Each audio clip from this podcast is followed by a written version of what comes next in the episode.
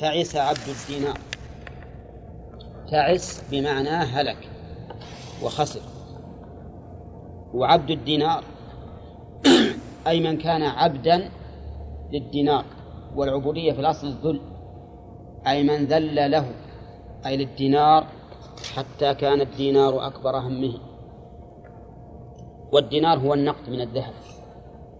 النقد من الذهب هو الدينار. ويسمى عندنا جنيه. يسمى الجنيه السعودي مثلا جنيه فرنجي وما أشبه. تعس عبد الدرهم النقد من الفضة. وعبد الدرهم الذي خضع له وذل له حتى استعبده. مثل أولئك الذين ليس لهم هم إلا البيع والشراء والتجارة. تجدهم مثلا أفكارهم وعقولهم ومنامهم ويقظتهم كلها لجمع الدينار والدرهم. هذان نوعان من المال. النوع الثالث تعس عبد الخميصة. الخميصة هي الثياب. هي ثوب مطرز له أعلام. نعم. وهذا عائد إلى اللباس. تعس عبد الخميلة الخميلة القطيفة. وهذا عائد إلى الفراش. من الناس من همه جمع المال ومن الناس من همه تحسين ثيابه ومن الناس من همه تحسين فراشه. نعم. وهذا على ضرب المثل. وإلا فمن الناس أيضا من همه تحسين مركبه. ومن الناس من همه تحسين مطعمه. لكن هذا على سبيل المثال. قال الخميصة تعس وانتكس. ها؟ إيه نعم. إن أعطي رضي وإن لم يعط سخط. هذا مما يدل على عبوديته لهذه لهذه الأموال. إن أعطي المال رضي وأنت حبيبه وصديقه ورفيقه وإن لم يعطى سخط. سخط عليك وربما سخط حتى عن العبادة والعياذ بالله. إذا أعطيته أقبل على العبادة وصار حريص وإذا ما أعطي أعرض واستنكف وبعد حتى عن العبادة. وقوله تعس وانتكس يعني معناه أنه تعس مرتين. تعس ثم انتكس. ويقال إن التعس هو الانكباب على الوجه يطيح على وجهه. والانتكاس على قفاه كأنه يطيح على وجهه كذا ثم ينتكس. نعم فيكون هذا أشد والعياذ بالله. ها؟ انتكس. لا غلط. انتكس. طيب. هذه الجمل تعس وتعس وانتكس. هل هي دعاء أو خبر؟ يحتمل حقيقة يحتمل. أن تكون دعاء أن الرسول صلى الله عليه وسلم دعا عليه بالتعاسة والانتكاس ويحتمل أن تكون خبرا. وأيهما أقرب؟ ها؟ الخبر أبلغ. الخبر أبلغ. لكن الخبر قد يشكل عليه أن أن من الناس من يكون هذه حاله حاله ولا يحصل له هذا. هذا هو المشكل. وإلا لا شك أن الخبر أبلغ وأعظم. أن الرسول عليه الصلاة والسلام يخبر بأن هذا تعس هالك ما, ما له خير. وإذا شيك فلا انتقش إذا شيك فلا انتقش كل هذه الجمل فيها سجع لكنه سجع غير متكلف. وهو مما يطيب للسمع. السجع يطيب للسمع. إذا شيك شيك فعل ماضي مبني للمجهول. ونظيره قيل وبيع وما أشبهه ومعنى شيك أي أصابته شوكة. فلا انتقش أي فلا أخرجها بالمنقاش. وظاهر اللفظ فلا انتقش هو بنفسه. وليس المعنى فلا طلب من فلا وجد من ينقشها له. بل الظاهر انه هو نفسه عنده من المهانة والعجز والكسل ما لا يدفع عن نفسه أدنى ضرر لأنه ما همه إلا الترف. يصاب بالشوكة فلا ينتقش. هذا إذا جعلناه خبرا. وإن جعلناه دعاء فإن معناه أن الرسول صلى الله عليه وسلم دعا عليه بأنه لا بأن لا يندفع الضرر عنه حتى هذا الضرر السهل. إذا شيك فلا انتقش يعني أن الله لا ييسر له الأمور ولا يحصل له المقصود بسبب أنه إذا أصيب بأدنى شيء عجز عن إزالته عنه.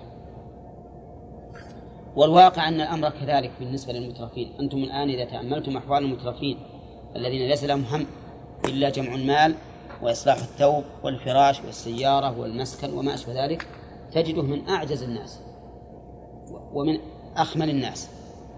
ما يتحرك. نعم. حتى إن بعضهم يمكن يثقله أن يأخذ مشلحه ويضعه في العلاقية. شاهدنا أناس إذا جاء وقف يبي مثلا الخادم ولا غيره يأخذ مشلح ويحطه على العلاقية من المهام. هذا هو الواقع. وقوله طوبى لعبد هذا عكس الأول. نعم. نعم. من المعطي لا أن أعطي أي إنسان يعطيه من المال كولي الأمر مثلا أو أي واحد. يعني ما همه إلا المال. ما ما يرضيه إلا المال ولا يسخطه إلى المال. يرضى لوجوده ويسخط لفقده. يقول الله عز وجل سواء الله أو غيره.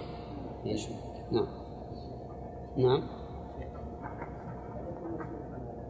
ها؟ ربما إيه؟ ما يمنع مسلم ولا كافر؟ قال طوبى لعبد طوبى فعلى. فعلى. وفعلى مؤنث أفعل. وهذه الكلمة مشتقة من الطيب. لو كانت مذكرا لكان ها؟ أطيب. لكان اللفظ أطيب أو أطيب. لكن هنا قال طوبى على وزن إيش؟ فعلى من الطيب إذا قلت إنه من الطيب لماذا لم تكن طيبا؟ نقول لأنه لما ضم أول الفعل وكانت الياء ساكنة فإنه لا بد أن تنقلب واوا لمناسبة الضمة فيقال طوبى وقوله طوبى لعبد إلى آخره هل المراد الشجرة المعينة في الجنة؟ أو أن المراد العيشة الفضلى الطيبة في الدنيا والآخرة؟ الثاني. الثاني هو الأحسن وهو الأعم. يعني الحياة الطيبة والعيشة الطيبة وحصول المقصود ودفع المكروه تكون لهذا الرجل لعبد ووصفه بالعبودية لأنه قد قام بحقها أخذ بعنان فرسه وفي لفظ آخذ بعنان فرسه آخذ الفرق بين هذا الرجل والأول. أخذ أو آخذ بعنان فرسه. العنان هو المقود. مقود الرسن الذي يقاد به الفرس. بعنان فرسه في سبيل الله أي في الجهاد في سبيل الله. فهذا الرجل مستعد متهيئ دائما. عنان فرسه في يده. متى وجد الداعي وجد الداعي ركب. ما همه نفسه أن يصلح نفسه أو ثوبه أو فراشه. ولهذا قال أشعث رأسه مغبرة قدماه. منين؟ من الغبار في سبيل الله. أشعث رأسه. يعني أنه غير مرجل ولا مدهون ولا شيئا. أشعث. قدماه أيضا مغبرة من من من غبار سبيل الله عز وجل. إذن هو يعمل تماما ولا يعمل لأن الغبار ما يأتي إلا من من العمل والحركة والنشاط والقوة. يقول أشعث رأسه رأس ولا رأسه ها؟ ليش؟ خبر مؤخر. مبتدا مؤخر. وين الخبر؟ ها؟ وين الخبر؟ أشعث فاعل. فاعل. فاعل. فاعل إيش؟ فاعل أشعث فاعل لأشعث. إي نعم. نعم لو قال لو قال أشعث رأسه لصار معناه رأسه أشعث مبتدأ وخبر. لكنه قال أشعث رأسه فرأسه هذه فاعل أشعث. نعم. مثل ما تقول حسن وجهه. طيب. مغبرة قدماه. مغبرة هذه صفة لرجل ويجوز أن تكون بالنصب على أنها حال لأن الرجل وصف وإذا وصفت النكرة جاز وجود الحال منها وقوله مبرة قدماه قدماه مرفوعة ولا منصوبة؟ مرفوعة. على أنها فاعل مغبرة لأن مغبرة اسم فاعل. وقدماه فاعل. فإذا قلت كيف صارت مغبرة مؤنث صفة لرجل وهو مذكر. قلنا لأن النعت هنا ماذا يسميه النحويون؟ النعت هنا سببي. النعت سببي لا حقيقي وأظن ما خلفناه خلفناه. ها؟ النعت سببي لا حقيقي إذا كان النعت رافعا لاسم ظاهر فهو سببي مررت برجل قائم أبوه. قائم هذه صفة لرجل من حيث الإعراب لكن من حيث المعنى ها؟ للأب وصف الأب ولهذا تتبع الأب. مررت برجل قائمة أمه. ولا قائم أمه؟ قائمة. مررت بامرأة قائمة أبوها. ما يجوز؟ مررت برجل بامرأة قائم أبوها. زين إذا هذا سببي يسمونه يسميه النحويون السب... النعت السببية. مغبرة قدماه. مع هذا هذا الرجل العامل المتهيئ المستعد ممتثل للأمر غاية الامتثال. ما يقول ليش تحطون في هذا ليش تحطون في هذا. أي شيء يوجه إليه القائد إليه القائد يتجه إليه. شوف كان في الحراسة كان في الحراسة. وإن كان في الساقة كان في الساقة. قال له احرس يحرس. ما يقول والله حطوا حاسن غيري أنا تعبان أبناء. إذا كان في الساقة وهي مؤخر الجيش ما يقول ليش تخدم المؤخر؟ حطهم في المقدم. أو حطهم في اليمين أو في اليسار. لا. أي شيء يضعه فيه القائد يمتثل. ولا ينازع. ولا ولا يرى لنفسه حقا لأنه يتبع المصلحة. إن قلت إن كان في الحراسة كان في الحراسة. هذا تحصيل حاصل. ها؟ توكيدا. مثل ما إذا قلت إن كان قائما كان قائما كيف يكون المعلوم أن جواب الشرط مخالف لفعل الشرط؟ فالجواب أن المعنى إن كان في الحراسة قام بها على أتم وجه. كان في الحراسة. يعني ناهيك به حارسا ها؟ فاختلف المعنى بين فعل الشرط وجواب الشرط. إن كان في الساقة أيضا ها؟ مو معناه إن كان في الساقة. لا المعنى كان في الساقة يعني حمى القوم أن يأتيهم أحد من ظهورهم. أفهمتم؟ فصار المعنى إن كان في هذا المكان قام به على أتم وجه سواء في الساقة أو في الحراسة. وهذا دليل على أن الرجل قائم بما يلزمه ممتثل لما يؤمر به. وهذا في الحقيقة تجده نادرا. فهذا جمع بين ثلاثة أوصاف. الاستعداد التام والانش... لا أكثر من ثلاثة أوصاف. والانشغال التام بالجهاد حتى أنه ما يصلح لا رجله ما يغسل لا رجله ولا يصلح شعره. والثالث الامتثال التام. من أين يؤخذ؟ إن كان في الحراسة وإن كان في الساق. والرابع إتقان عمله والقيام به على أكمل وجه. لقوله كان في الحراسة وكان في الساق. وهذا والله هو المجاهد حقا. هو المجاهد حقا. أما المجاهد الذي لا يريد أن يكون في مكان معين ومنابذ ومخالف وغير مؤتمر فهذا غير مجاهد. هذا هو الذي له العيشة الطيبة يا من فضله. تجد في هذه الأماكن وعلى هذا الوصف لكنه في نعيم. لماذا؟ لأنه لأنه راض مطمئن. قلبه متنعم ولهذا قال طوبى له. والنعيم حقيقة هو نعيم القلب. النعيم نعيم القلب. إن الأبرار لفي نعيم. ولو كانوا ولو كانوا فقراء. لأن النعمة أو النعيم هو نعيم القلب. وتأمل قوله تعالى لا يذوقون فيها الموت إلا الموتة الأولى ووقاهم عذاب الجحيم. لا يذوقون فيها في إيش؟ في الجنة. الموت إلا الموتة الأولى.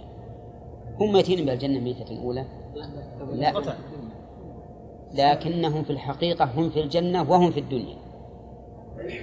لأنهم في نعيم.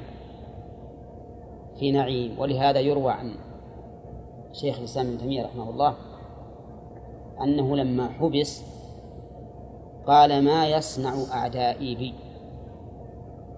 يعني أي شيء يصنعون بي؟ إن جنتي في صدري وإن حبسي خلوة ونفي سياحة وقتلي شهادة. ما شاء الله. شفاء. المهم نقول جنتي في صدري يعني لما يجد في صدره من النعيم والسرور. حتى إن بعض السلف يقول لو يعلم الملوك وأبناء الملوك ما نحن فيه ها؟ لجالدون عليه بالسيوف إي نعم. هذا الرجل من فضلك في هذا المقام العظيم وفي هذه الأعمال الصعبة الشاقة وفي هذا الامتثال العظيم والاستصغار لمن فوقه هو في أطيب ما يكون من العيش. قال النبي عليه الصلاة والسلام مبينا حال هذا الرجل أيضا إن استأذن لم يؤذن له وإن شفع لم يشفع. هذا في الدنيا. إن استأذن ما يؤذن له لماذا؟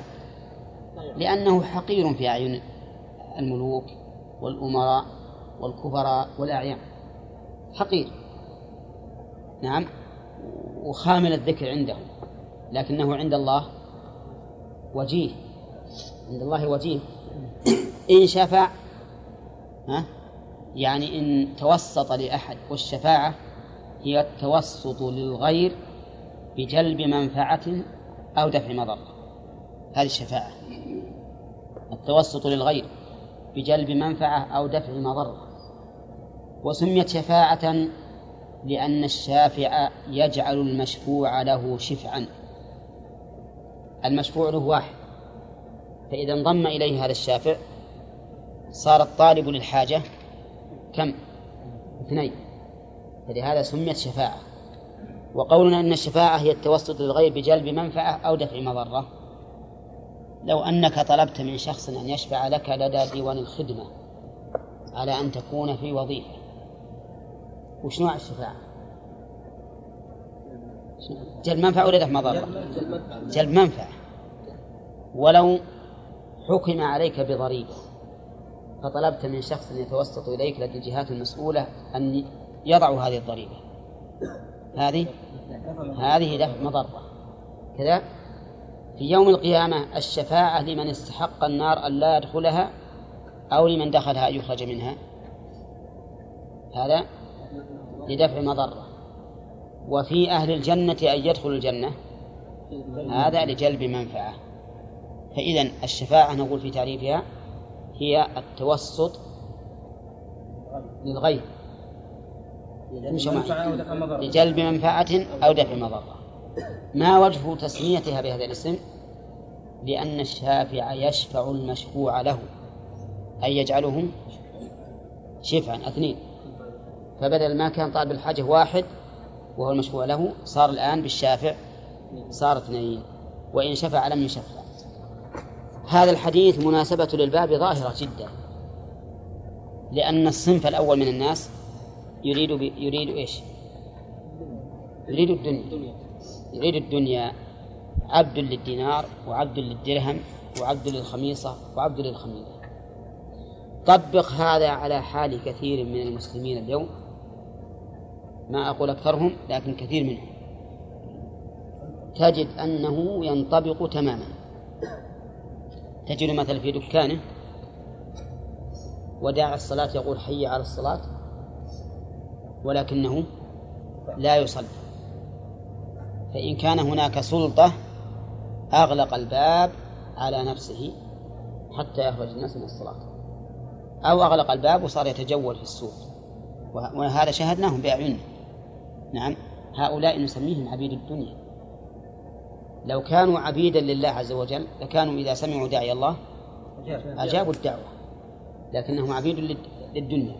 وهذا كما أنه من ضعف الدين فإنه من قلة العقل. سفه عظيم يا إخوان كيف سفه؟ المال مخلوق لك ولا أنت مخلوق للمال المال مخلوق لك هو الذي خلق لكم ما في الأرض جميعا. لكنك الآن جعلت نفسك ها مخلوقا له. أنت مخلوق لله والمال مخلوق لك. وما خلقت الجن والإنس إلا ليعبدون. هذا الذي من أجله خلقت العبادة. كل الذي في الأرض مخلوق لك. فكيف يليق بك وأنت رجل عاقل أن تجعل ما خلق لك غاية وتجعل نفسك أنت خادما له. فأنت الآن خادم بينما إن المال هو الخادم هو الخادم. ويعجبني ما قال شيخ الإسلام رحمه الله في هذا الصدد قال ينبغي للإنسان أن لا يجعل المال أكبر همه أو غاية قصده بل يجعله بمنزلة الحمار يركبه. ما قال؟ ولا بمنزلة البعير. نعم بمنزلة الحمار يركبه. أو بمنزلة بيت الخلاء يقضي فيه حاجته. نعم. الله أكبر. والله لو لو جعلنا المال هكذا استرحنا. استرحنا. لكن كثير من الناس الآن على العكس من هذا. ثم نقرأ المسائل. يقول المؤلف رحمه الله فيه مسائل. الأولى إرادة الإنسان الدنيا بعمل الآخرة. وحكمه محرم ولا جائز؟ محرم وقد يكون شركا كما سبق على حسب التفصيل السابق.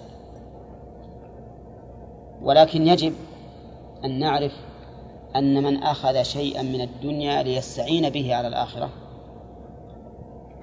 فإنه ها؟ خارج من هذا الحكم نعم. لأنه ما أراد الدنيا بعمل الآخرة. بل أراد عمل الآخرة واستعان بالدنيا عليه. استعان بالدنيا عليه.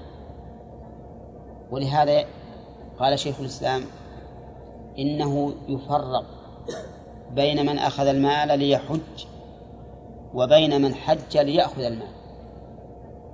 فالثاني ليس له في الآخرة من خلاق. ها؟ من أخذ المال ليحج ما هو الغرض؟ الحج والمال وسيلة.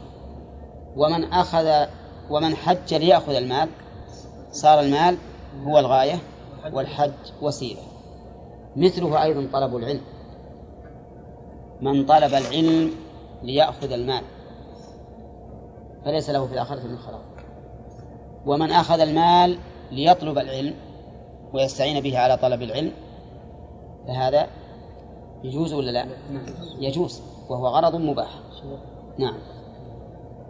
قد لا يكون همه المال لكن به العلماء ليماري به السفهاء أو يجاري به العلماء أو يصرف به وجوه الناس إليه فليتبوى مقعده من النار. هذا من عمل الدنيا والإنسان يريد هذا. أو مثلا قد لا يريد المال لكن يريد أن يصل إلى مرتبة معينة نعم آه، ليتوصل بها إلى إلى غرضه. لكن ليريد المرتبة المعينة ليتوصل به إلى إلى غرضه بها إلى غرضه إذا كان قصده نفع الإسلام والمسلمين فهذا جائز. يعني مثل وقتنا الحاضر الآن صار للشهادة اعتبارا. أولا خل لقبه يبدأ بلفظ دال. إذا كان لقبه يبدأ بلفظ الدال فهذا يعطى مناصب كبيرة. وإن كان لا يبدأ بلفظ الدال لو كان من أعلم الناس وأنصح الناس وأحزم الناس وأكيس الناس فإنه صفر على اليسار فإذا أراد الإنسان أن يتوصل إذا أراد الشهادة ليتوصل بها إلى أن ينفع ويفيد ما هو لأجل أخذ المال أو لأجل يقال فلان دكتور أو ما أشبه ذلك ها؟ يكون هذه إرادة حسنة ولا لا؟ يكون تكون هذه إرادة حسنة ولا حرج فيها. المهم وهذا حقيقة إحنا ابتلينا الآن بهذه الأنظمة. ابتلينا بأن بأن يجعل المدار على الشهادة التي قال فيها الشنقيطي رحمه الله أنا علمي ليس في بطاقة في قارورة. نعم؟ بطاقة في قارورة. يعني الشهادة بطاقة. قارورة يحطونها بالقوي الزجاج علشان ما يجيها صدى ولا يجيها بلل ولا شيء. وتعلق أحيانا نعم. طيب. يقول الثانية الثانية إيش؟ تفسير آية هود. وهي قوله من كان يريد الحياة الدنيا وزينتها نوفي إليهم ما لهم فيها وهم فيها لا يبخسون إلى آخره. وقد سبق تفسيرها وتقسيم الناس فيها. الثالثة تسمية الإنسان المسلم عبدا للدينار والدرهم. والخميصة كذا عندكم؟ عبد الدينار والدرهم والخميصة إيش بعد؟ والخميلة الحديث فيها أربعة أشياء. تسميته عبدا لها لماذا؟ لأنه ذل لها وجعلها أكبر همه ومبلغ علمه. تجده مثلا عند النوم قد أحضرت له دفاتر المعاملات يتصفحها يشوف ماذا ربح وماذا خسر؟ ليتوقى الخسارة ويطلب الربح في اليوم التالي. ولكن صفحات الأعمال نسأل الله أن يتوب علينا. صفحات الأعمال نتصفحها عند النوم. عن المبسط ها؟ ما يتصفحها أحد. اللهم إلا من من شاء الله على كل حال الناس فيهم خير. ف ولهذا سماه الرسول عليه الصلاة والسلام عبدا للدينار والدرهم. الرابعة. تفسير تفسير ذلك بأنه إذا أعطي رضي وإذا لم يعطى سخط. إيه. إيه وين نعم. تفسير ذلك بأنه إن أعطي رضي وإن لم يعطى سخط. هذا يعني معناه الرسول صلى الله عليه وسلم قرر معنى العبودية أنه يغضب لحصول لفقد المال ويرضى لحصوله سواء كان ذلك الإعطاء من الله عز وجل أو كان من المخلوق. كم من إنسان يكون صديقا لك ومحبا لك ويشهد الله على حبك فإذا جاءك يوم من الماء من الأيام وقال أعطني والله يا أخي ما تستحق ولا يحل له أن تأخذ صار بينك وبينه عداوة. نسمي هذا عبد الدينار. الخامسة قوله تعس وانتكس. دعا عليه مرتين. بالتعاسة والانتكاس حتى لا يستطيع أن ينقذ نفسه من الهلاك. والثامنة السادسة قوله وإذا شيك فلا انتقش مش قلنا؟ إذا شيك فلا انتقش إذا أصابته الشوكة لم يخرجها وهو كناية عن أنه لا يستطيع أن يدفع الضرر عن نفسه ويكون ذكرة الشوكة على سبيل التمثيل وهي أدنى شيء. الشوكة ما من أحد يصاب بشوكة إلا قال بظفره وأخرجها. فهي سهلة. فإذا كان لا يستطيع دفع هذا الضرر فما هو أعلى منه لا من باب أولى. السابعة نعم.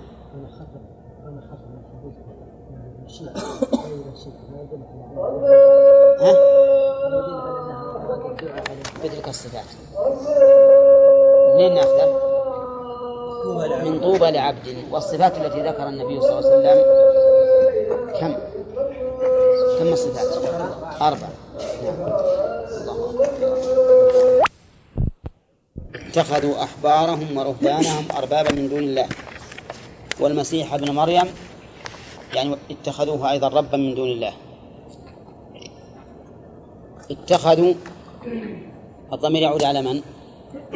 على النصارى لقوله والمسيح ابن مريم لأن المسيح ابن مريم عند اليهود ما اتخذ إلها. بل إنه عندهم والعياذ بالله ابن زانية. ولهذا حاولوا قتله. وادعوا أنهم قتلوه. أحبارهم جمع حبر ويقال حبر. حبر وحبر. وهو واسع العلم. يعني العالم جمع حبر وهو العالم ورهبانهم جمع راهب وهو العابد. اتخذوهم أربابا من دون الله يعني جعلهم أربابا أي مشاركين لله عز وجل في التشريع لأنهم يحلون ما حرم الله فيحله هؤلاء ويحرمون ما أحل الله فيحرمه هؤلاء. فجعلوهم أربابا من دون الله. نعم. وقوله والمسيح ابن مريم يعني واتخذوا المسيح ابن مريم إلها مع الله. أولى ولهذا قال وما أمروا إلا ليعبدوا إلها واحدا. والعبادة التذلل والخضوع بفعل الأوامر واجتناب النواهي. إلها واحدا هو الله عز وجل. وإله بمعنى مألوه. أي معبود مطاع وليس إله بمعنى آله كما قيل به أي قادر على الاختراع فإن هذا تفسير المتكلمين هذا تفسير المتكلمين الذين فسروا الإله بأنه القادر على الاختراع وعلى رأيهم يكون الإله بمعنى الرب ويكون معنى قول لا إله إلا الله لا رب إلا الله. وهذا ليس بتوحيد لأنه لو كان توحيدا لكان المشركون الذين قاتلهم الرسول عليه الصلاة والسلام ها موحدين لأنهم يقولون لا رب إلا الله. نعم قل من رب السماوات السبع ورب العرش العظيم؟ سيقولون الله. نعم فالحاصل أن معنى إله أي مألوه أي معبود مطاع سبحانه وتعالى. إلا إله واحدا سبحانه إيش؟ عما يشركون. سبحانه ها؟ ما فيها وتعالى. سبحانه. سبحانه تقدم لنا أن سبحان اسم مصدر وأنها معمول لفعل محذوف دائما وجوبا. وش التقدير؟ أسبح.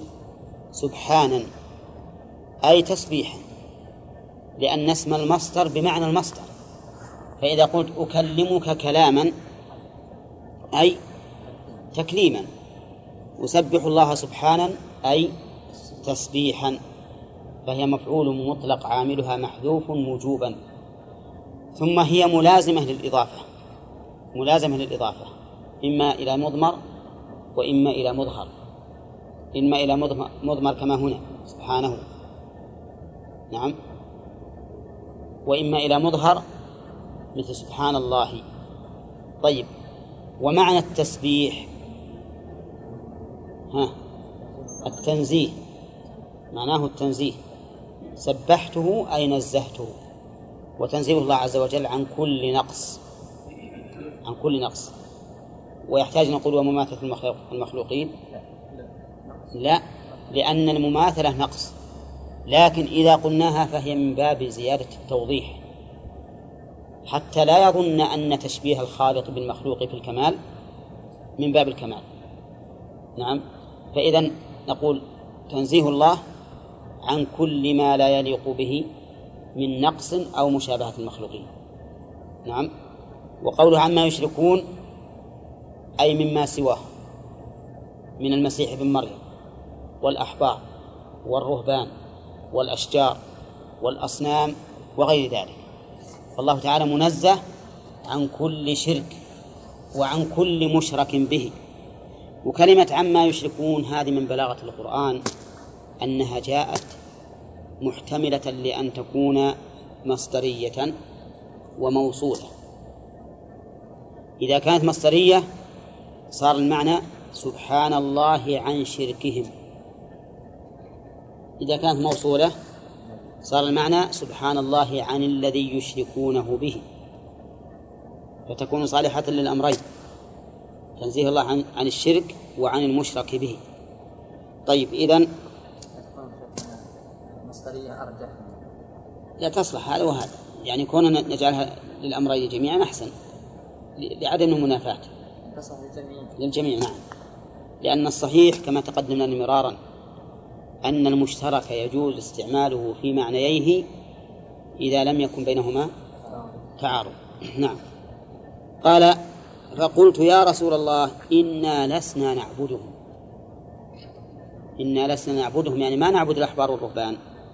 يعني ما نسجد لهم أو نركع لهم أو ننذر لهم أو نذبح لهم لا. وهذا بالنسبة للأحبار والرهبان صحيح. لكن بالنسبة للمسيح ها؟ الظاهر أنهم يعبدونه يعبدونه فيكون قوله لسنا نعبدهم بالنسبة للأحبار والرهبان بدليل رد النبي صلى الله عليه وسلم عليه في قوله أليسوا يحلون وهذا الوصف لا ينطبق على عيسى بن مريم لا ينطبق عليه أبدا. وقد حاول بعض الناس أن يعل الحديث بهذا المعنى مع ضعف سنده. والحديث حسنه الترمذي كما سيأتي وحسنه من المتأخرين الألباني وجماعة آخرون. وبعض العلماء ضعفه وحاول أن يعله بهذا المعنى الذي قلت. حيث قال إن عيسى بن مريم ما يحل ما حرم الله ولا يحرم ما أحل الله. فيقال إن قول عدي لسنا نعبدهم إنما يعود على من؟ على الأحبار والرهبان. أما عيسى بن مريم فمن المعلوم أنهم يعبدونه ويقولون هو الله. فقال أليس يحلون ما حرم الله فتحرمون في ها؟ أليس يحرمون ما أحل الله فتحرمونه ويحلون ما حرم الله فتحلونه. شف بدأ بتحريم الحلال لأنه كما سبق لنا أعظم من تحليل الحرام. أعظم. تحريم الحلال أعظم من تحريم الحرام. كلاهما كلاهما محرم. ولا تقولوا لما تسوى سنتكم الكذب هذا حلال وهذا حرام. قلت بلى. بلى. ماذا؟ الجواب بلى ولا نعم؟ بلى. بلى. قال فتلك عبادتهم. تلك عبادتهم. ووجه كونها عبادة أن العبادة من معناها الطاعة. من معناها الطاعة. وطاعة غير الله عبادة له. لكن بشرط أن تكون طاعة في غير طاعة الله. أما إذا كانت طاعة في طاعة الله ها فهي من عبادة الله من طاعة الله. كما لو أمرك أبوك بأن تصلي فصليت. هل تكون عابدا لأبيك لطاعتك له؟ ها؟ لا. بل إنك مطيع لله لأن لأن أمر غير الله بطاعة الله وامتثال أمره هو امتثال لأمر الله في الحقيقة. نعم. يستفاد من هذا الحديث أن الطاعة بمعنى العبادة. تقيد ولا ما تقيد؟ تقيد. لا لابد أن نقيدها الطاعة في مخالفة شرع الله. هذه من عبادته. أما في عبادة الله فهي من عبادة الله ولكن هؤلاء دالون على الخير آمرون بالمعروف ونهون عن المنكر. طيب يستفاد من هذا الحديث أن اتباع العلماء أو العباد فيما يخالف شرع الله من اتخاذهم أربابا. من اتخاذهم أربابا ولكن هذه الحقيقة تنقسم إلى ثلاثة أقسام. القسم الأول أن يتابعهم مقدما رأيهم على دين الله يعلم أنهم مخالفون لدين الله فيتابعهم رضا بما هم عليه وسخطا لماذا؟ لطاعة الله أو لشرع الله. فهذا لا شك في كفره هذا لا شك في كفره. لأنه كره ما أنزل الله.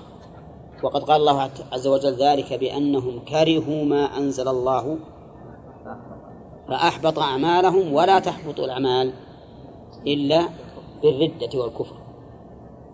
فكل من كره ما أنزل الله فهو كافر. نعم. إذا هذا القسم الأول. أن يتابعهم في مخالفة حكم الله. ها؟ راضيا بقولهم ساخطا لحكم الله. فهذا لا شك أنه كافر لما علمتم. الثاني أن يتابعهم في ذلك راضيا بحكم الله وعالما بأن حكم الله أمثل وأنفع وأصلح للعباد والبلاد لكنه لهوى في نفسه. يريد مثلا أن يبقي نفس أن يبقى على الوظيفة أو أنه وافق هوى في نفسه يختاره فهذا لا يكفر ويكون حكمه آه حكم غيره من الفاسقين. حكم غيره من الفاسقين. كما لو علمت أنت بدون أن تتبعهم بأن هذا حكم الله ولكنك خالفته لهوى في نفسك. لا لاعتقادك أن غيره أحسن أو أنه يجوز الحكم بغيره.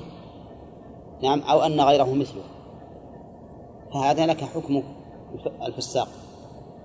القسم الثالث أن أن يتابعهم في ذلك غير عالم بحكم الله بل هو يظن أن ذلك حكم الله وهو بنفسه لا يستطيع أن يصل إلى الحق بنفسه ولكن فرضه التقليد. فتابعهم في ذلك ظنا منه أن ذلك هو الحق. فما حكم هذا؟ حكمه. أنه إن كان يستطيع أن يعرف الحق بنفسه فهو مفرط ومقصر فيكون آثما بهذا الاعتبار. لأن الله تعالى إنما أمر بسؤال أهل العلم بشرط. ما هو؟ إن كنتم لا تعلمون. فأما من يكون عالما أو يمكنه التعلم فلا يسأل أهل العلم. لكن من فرضه التقليد إذا تبعهم في هذا ظنا منه أن هذا حكم الله فما حكم هذا الرجل؟ ها؟ لا شيء عليه هذا لا شيء عليه لأنه فعل ما أمر به وكان معذورا في ذلك نعم فإذا لا يكون عليه شيء ولهذا ورد في الحديث عن الرسول عليه الصلاة والسلام أن من أفتي بغير علم فإنما إثمه على من أفتاه لأن لأننا لو قلنا بأن المفتى الذي فعل ما أمر به من سؤال أهل العلم لعدم علمه لو قلنا بأنه يأثم بخطأ غيره أو بتعمد غيره للخطأ لكان في ذلك حرج ومشقة. كان الناس ما يمكن يثقون بأحد. لو سألوا أحدا قالوا لعله أخطأ أو تعمد الخطأ. إذا دور غيره. سألنا آخر فقال لعله أخطأ أو تعمد الخطأ. إذن إلى إلى من نصل فالحاصل أن من اتبع العلماء أو الأمراء في تحليل ما حرم الله أو بالعكس كم له من, من قسم كم يكون أقساما؟ ثلاثة أقسام. القسم الأول أن يتابعهم في ذلك راضيا بقولهم ساخطا لحكم الله. فهذا كافر. والثاني أن يتابعهم في قولهم ساخطا له راضيا بحكم الله لكن لهوى في نفسه. نعم؟ فهذا يكون فاسقا ولا يكفر. والثالث أن يتابعهم جاهلا قائما بما أمر به. فهذا نقول إن كان عاجزا عن التعلم أو لم يكن معه إذا لم يكن معه علم وكان عاجزا عن التعلم فلا حرج عليه. وإلا كان مقصرا بحسب حاله. في القسم الثاني. لو قال قائل لماذا لا تكفرونه؟ نعم. نقول لأننا لو كفرنا مثل هذا لزم أن نكفر كل صاحب معصية. لأن كل صاحب معصية يعرف أنه أنه عاصي لله لكن يعلم أن هذا حكم الله ويحاول مثلا أن يتوب ولو في المستقبل. طيب هذا بالنسبة لاتباع الأمراء والعلماء في تحليل ما حرم الله أو تحريم ما أحل الله. لكن ما حكم العلماء والأمراء؟ الذين يحللون ما حرم الله ويحرمون ما أحل الله. هذه المسألة كما تعلمون وصف الله الحاكمين بغير ما أنزل الله بثلاثة أوصاف. فقال ومن لم يحكم بما أنزل الله فأولئك هم الكافرون. الوصف الثاني ومن لم يحكم بما أنزل الله فأولئك هم الظالمون. الوصف الثالث ومن لم يحكم بما أنزل الله فأولئك هم الفاسقون. فهل هذه الأوصاف الثلاثة لموصوف واحد؟ أو أنها لموصوفين متعددين يا رشيد؟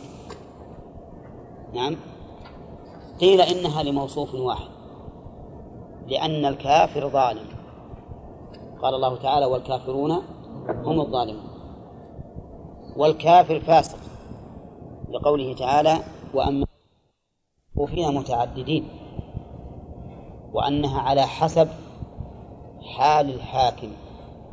فقد يكون كافرا وقد يكون ظالما وقد يكون فاسقا.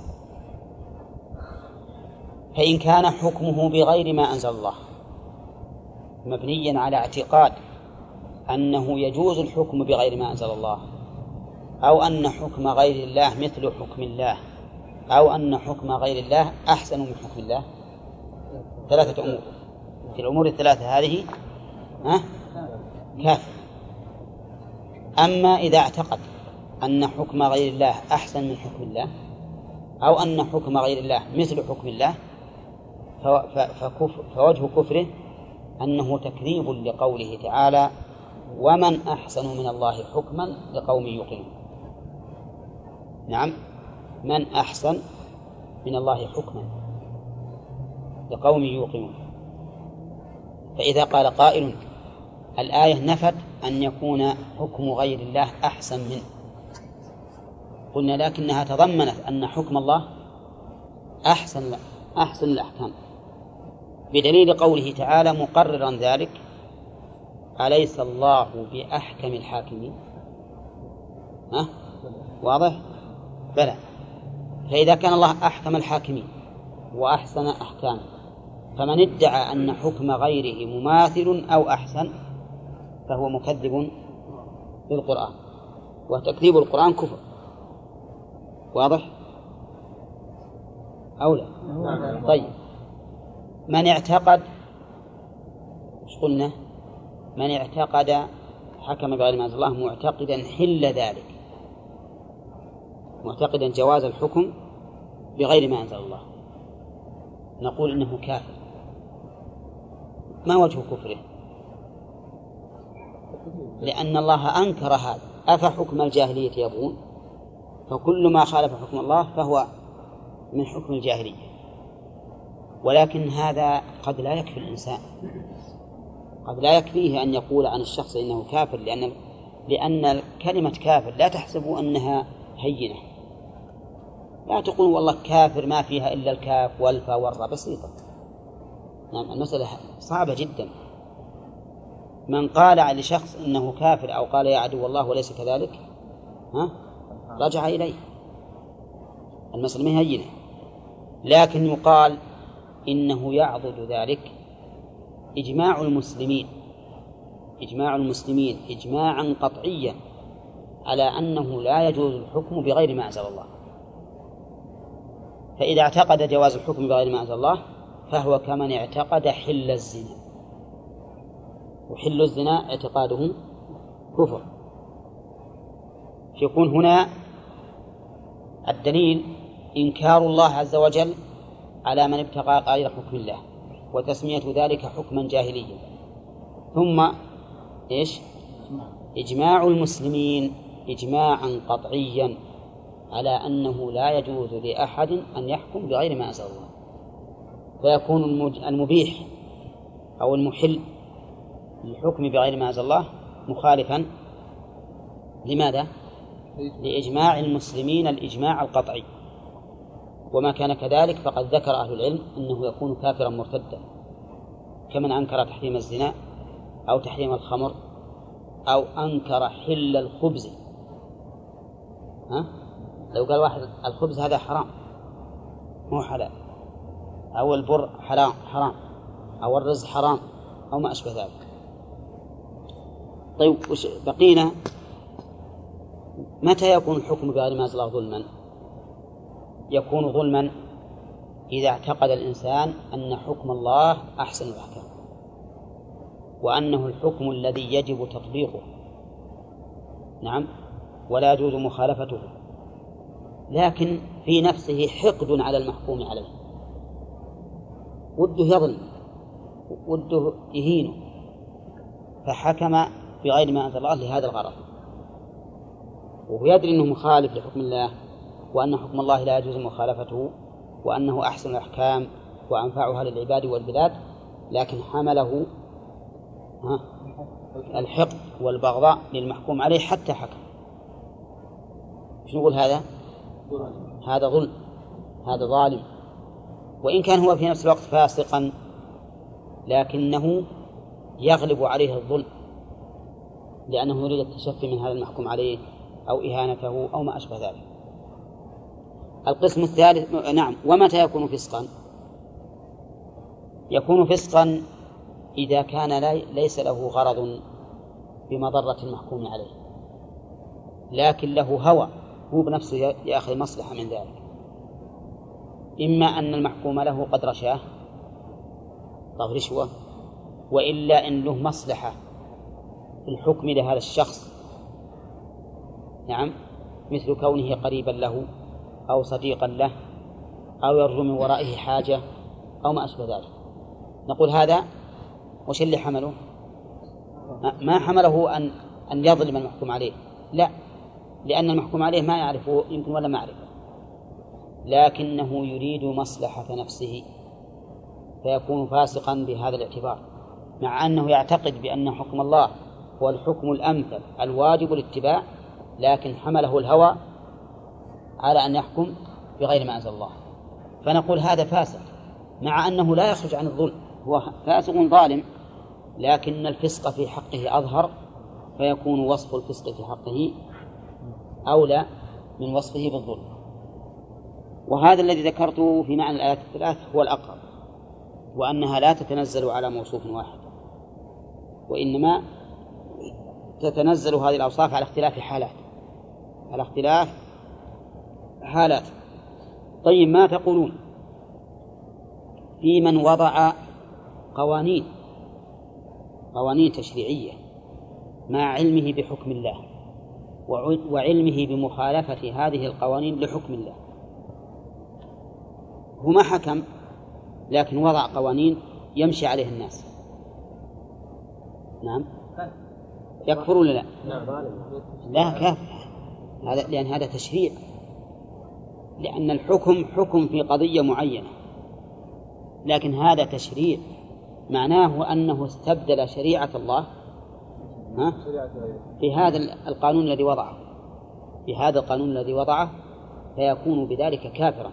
لأن نعلم أنه ما رضي هذا القانون عن شريعة الله إلا وهو يعتقد أنه إيش؟ خير منه للبلاد والعباد. نعم فهذا يكون كافرا. ونحن نقول حينما نقول كافر نقول إن هذا الفعل يوصل إلى الكفر لكن قد يكون الواضع له معذورا.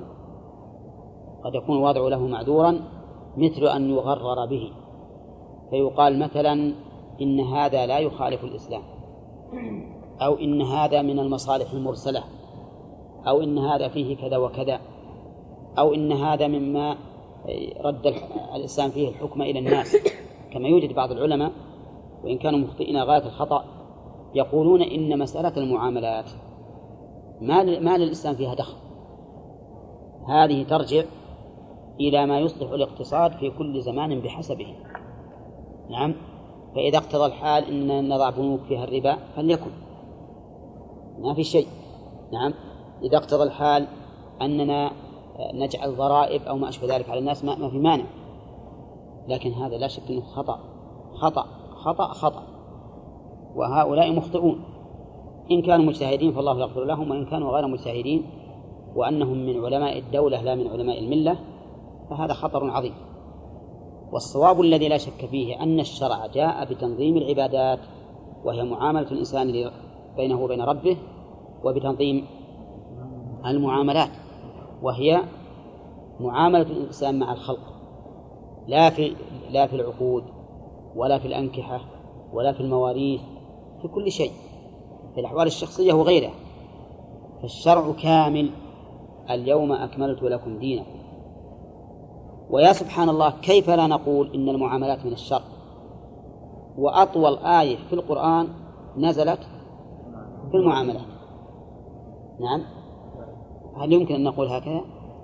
نقول المعاملات ما للشرع في دخل والله عز وجل أنزل فيها أطول آية في كتابه. هذا لا يمكن يقوله عاقل يدري ما يقول. ولولا نظام الشرع لفسد الناس. وأنا لا أقول إننا نأخذ بكل ما قال الفقهاء. الفقهاء ما نأخذ بكل ما يقولون لأنهم قد يخطئون وقد يصيبون. لكن نأخذ بما دل عليه كتاب الله وسنة رسوله صلى الله عليه وسلم. وأقول أيضا إن النصوص الواردة في, في, في المعاملات أقل من النصوص الواردة في العبادات. ما فيها شك. ولا لا؟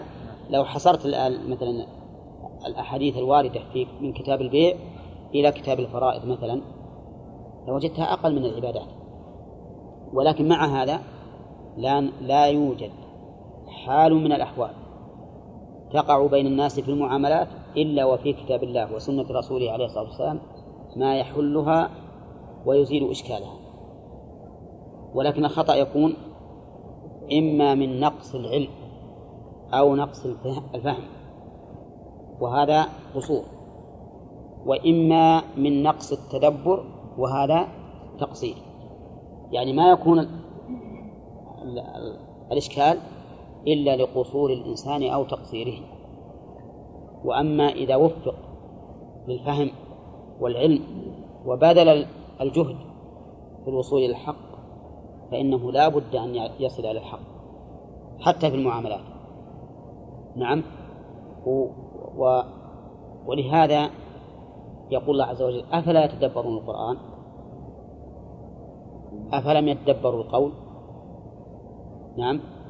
ويقول كتاب أنزلناه إليكم مبارك رحمك الله ليتدبروا آياته وليتذكروا ويقول وأنزلنا عليك الكتاب تبيانا لكل شيء حتى في المعاملات؟ أو إلا في المعاملات؟ حتى في المعاملات. تبيانا لكل شيء.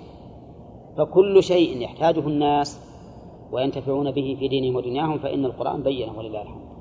لكن الخطأ يكون إما من قصور أو تقصير. وعلى هذا فنقول إن من سن لولاة الأمور قوانين تخالف الشرع وادعى أن هذه من المصالح المرسلة فإنه كاذب في دعواه لأن المصالح المرسلة والمقيدة كلها إن اعتبرها الشرع ودل عليها فهي حق ومن الشرع.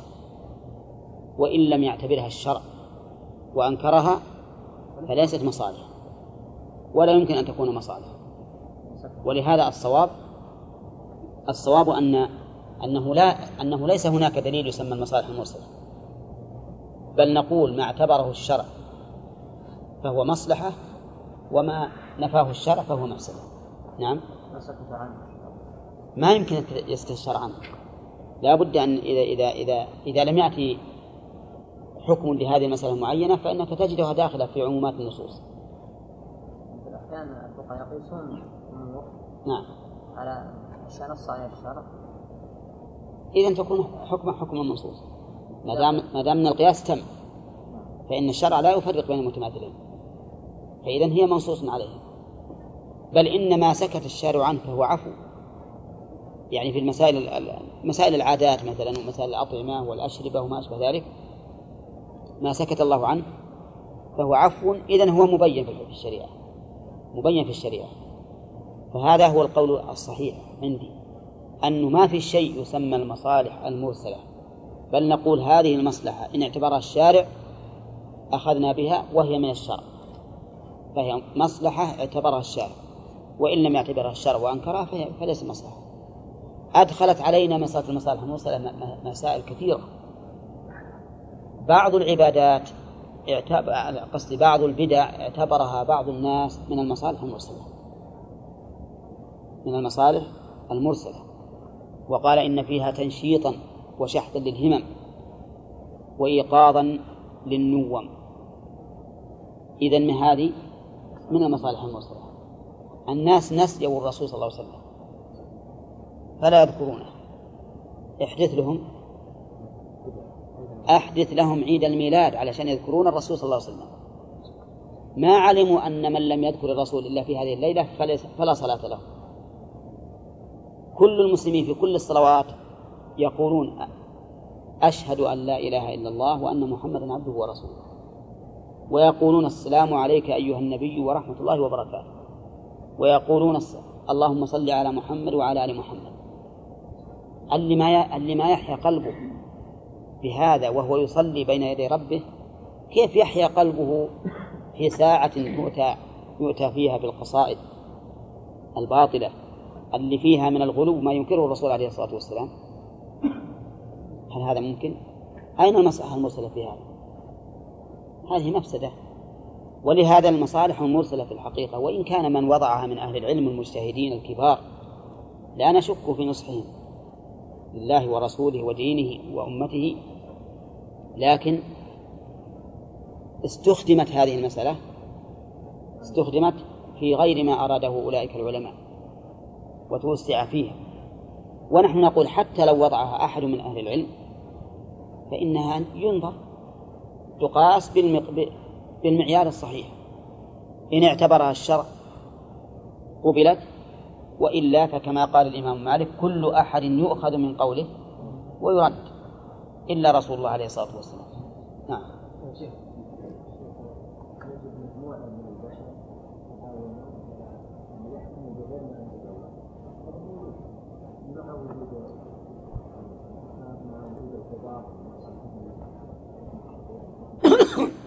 مع هذا يختارون حكم بالله.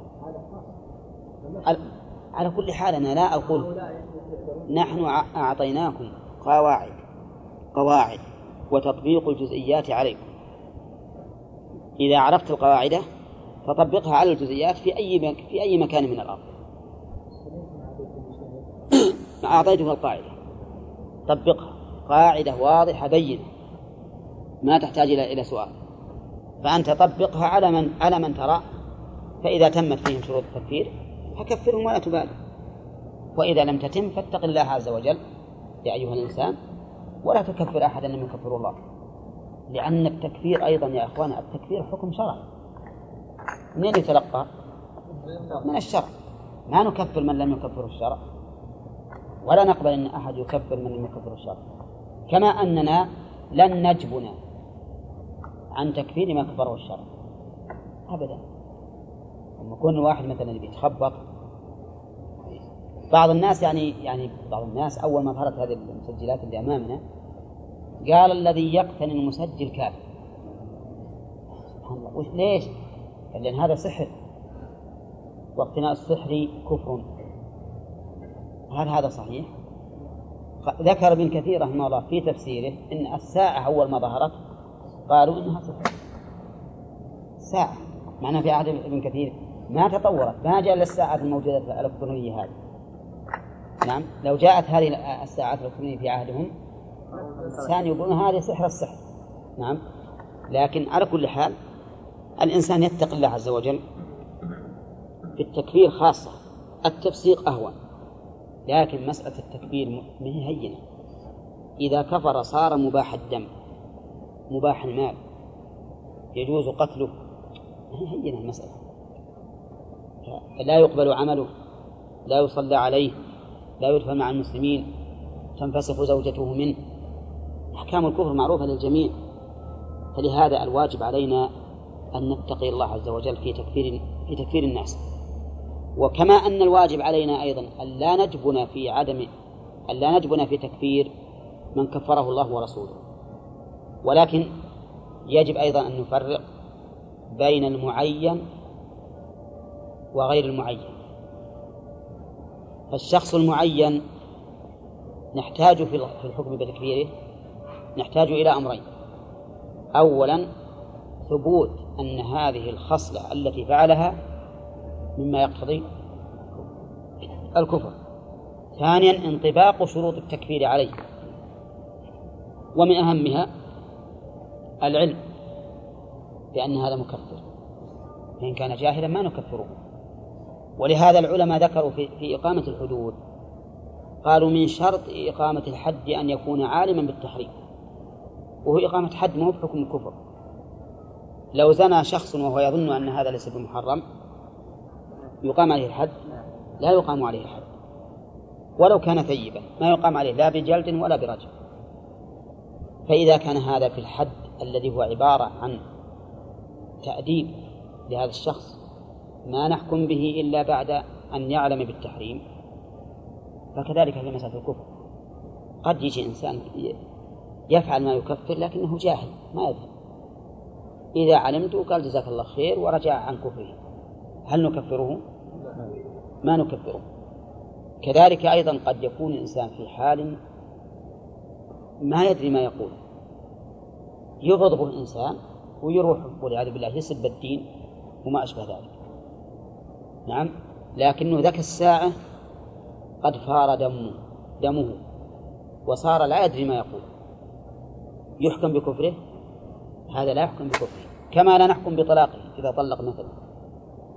فالمسائل لها شروط ولها موانع وليس كل كلمة يقال إنها كلمة كفر أو كل فعل يقال إنه فعل كفر يكفر به كل من اتصف به حتى تقوم عليه الحجة. قال الله عز وجل لئلا يكون للناس حجة بعد الرسل. وما كنا معذبين حتى نبعث رسولا. ومن يشاقق الرسول من بعد ما تبين له الهدى ويتبع غير سبيل المؤمنين. وما كان الله ليضل قوم بعد إذ هداهم ها حتى يبين لهم ما يتقون. وأمثال ذلك من الآيات البينة الواضحة. ونسأل الله السلامة. نعم. فليحذر الذين يخالفون عن أمره أن تصيبهم فتنة أو يصيبهم عذاب أليم. نعم. الثانية تفسير آية براءة. وهي قوله اتخذوا أحبارهم ورهبانهم أربابا من دون الله. الثالثة على معنى العبادة التي أنكرها عدي. التنبيه. التنبيه. أي التنبيه على معنى العبادة التي أنكرها عدي. نعم. معنى العبادة التي أنكرها عدي هي التعبد لهم بالطاعة بالتذلل بالركوع والسجود والنذور وما أشبهها. فقال لسنا نعبدهم. يعني هذه العبادة. فبين الرسول عليه الصلاة والسلام المراد من عبادتهم بأنها طاعته في تحليل الحرام أو تحريم الحلال. نعم. الرابعة تمثيل ابن عباس بأبي بكر وعمر. وتمثيل أحمد بسفيان أي نعم يعني معناه أنه إذا كان أبو بكر وعمر لا يمكن أن يعارض قول النبي صلى الله عليه وسلم بقولهما فما بالك بمن بعدهما؟ يكون من باب أولى وأحد. كذلك تمثيل أحمد بسفيان الثوري إمام جليل أنكر على من يأخذون برأيه ويدعون ما صح به الإسناد عن رسول الله صلى الله عليه وسلم. نعم. واستدل رحمه الله بقوله تعالى فليحذر الذين يخالفون عن أمره أن تصيبهم فتنة أو يصيبهم عذاب أليم. فما بالك بمن دون سفيان واضح؟ يكون معارضة قول الرسول عليه الصلاة والسلام بمن دون أبي بكر وعمر وبمن دون سفيان أشد وأقبح. نعم.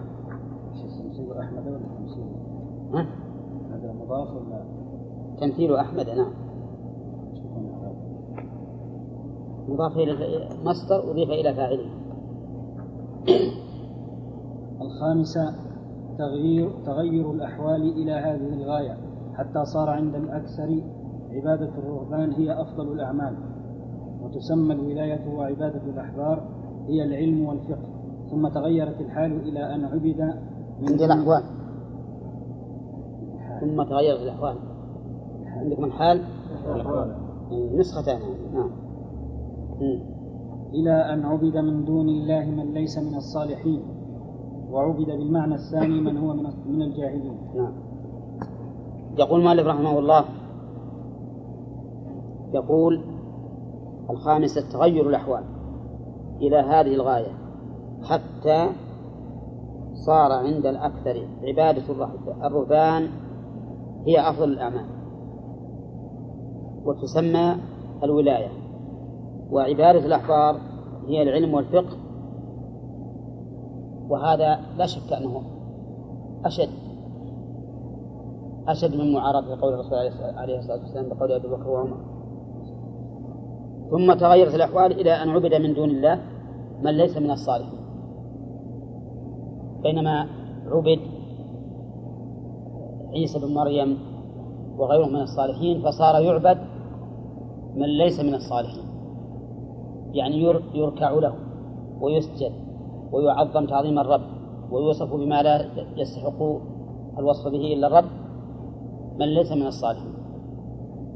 وهذا كما يوجد عند كثير من الشعراء وغيرهم يمدحون من يمدحون من الملوك ومن الوزراء ومن غيرهم وهم لم يستحقوا أن يكونوا عند الله. كما يوجد في بعض الدساتير والمدن المخالفة للإسلام واضعوها من؟ واضعوها جهال. ما يعرفون من الشريعة شيئا ولا من الأديان شيئا. ثم وضعوه. والموضوع الذي أتحدث الحديث فيها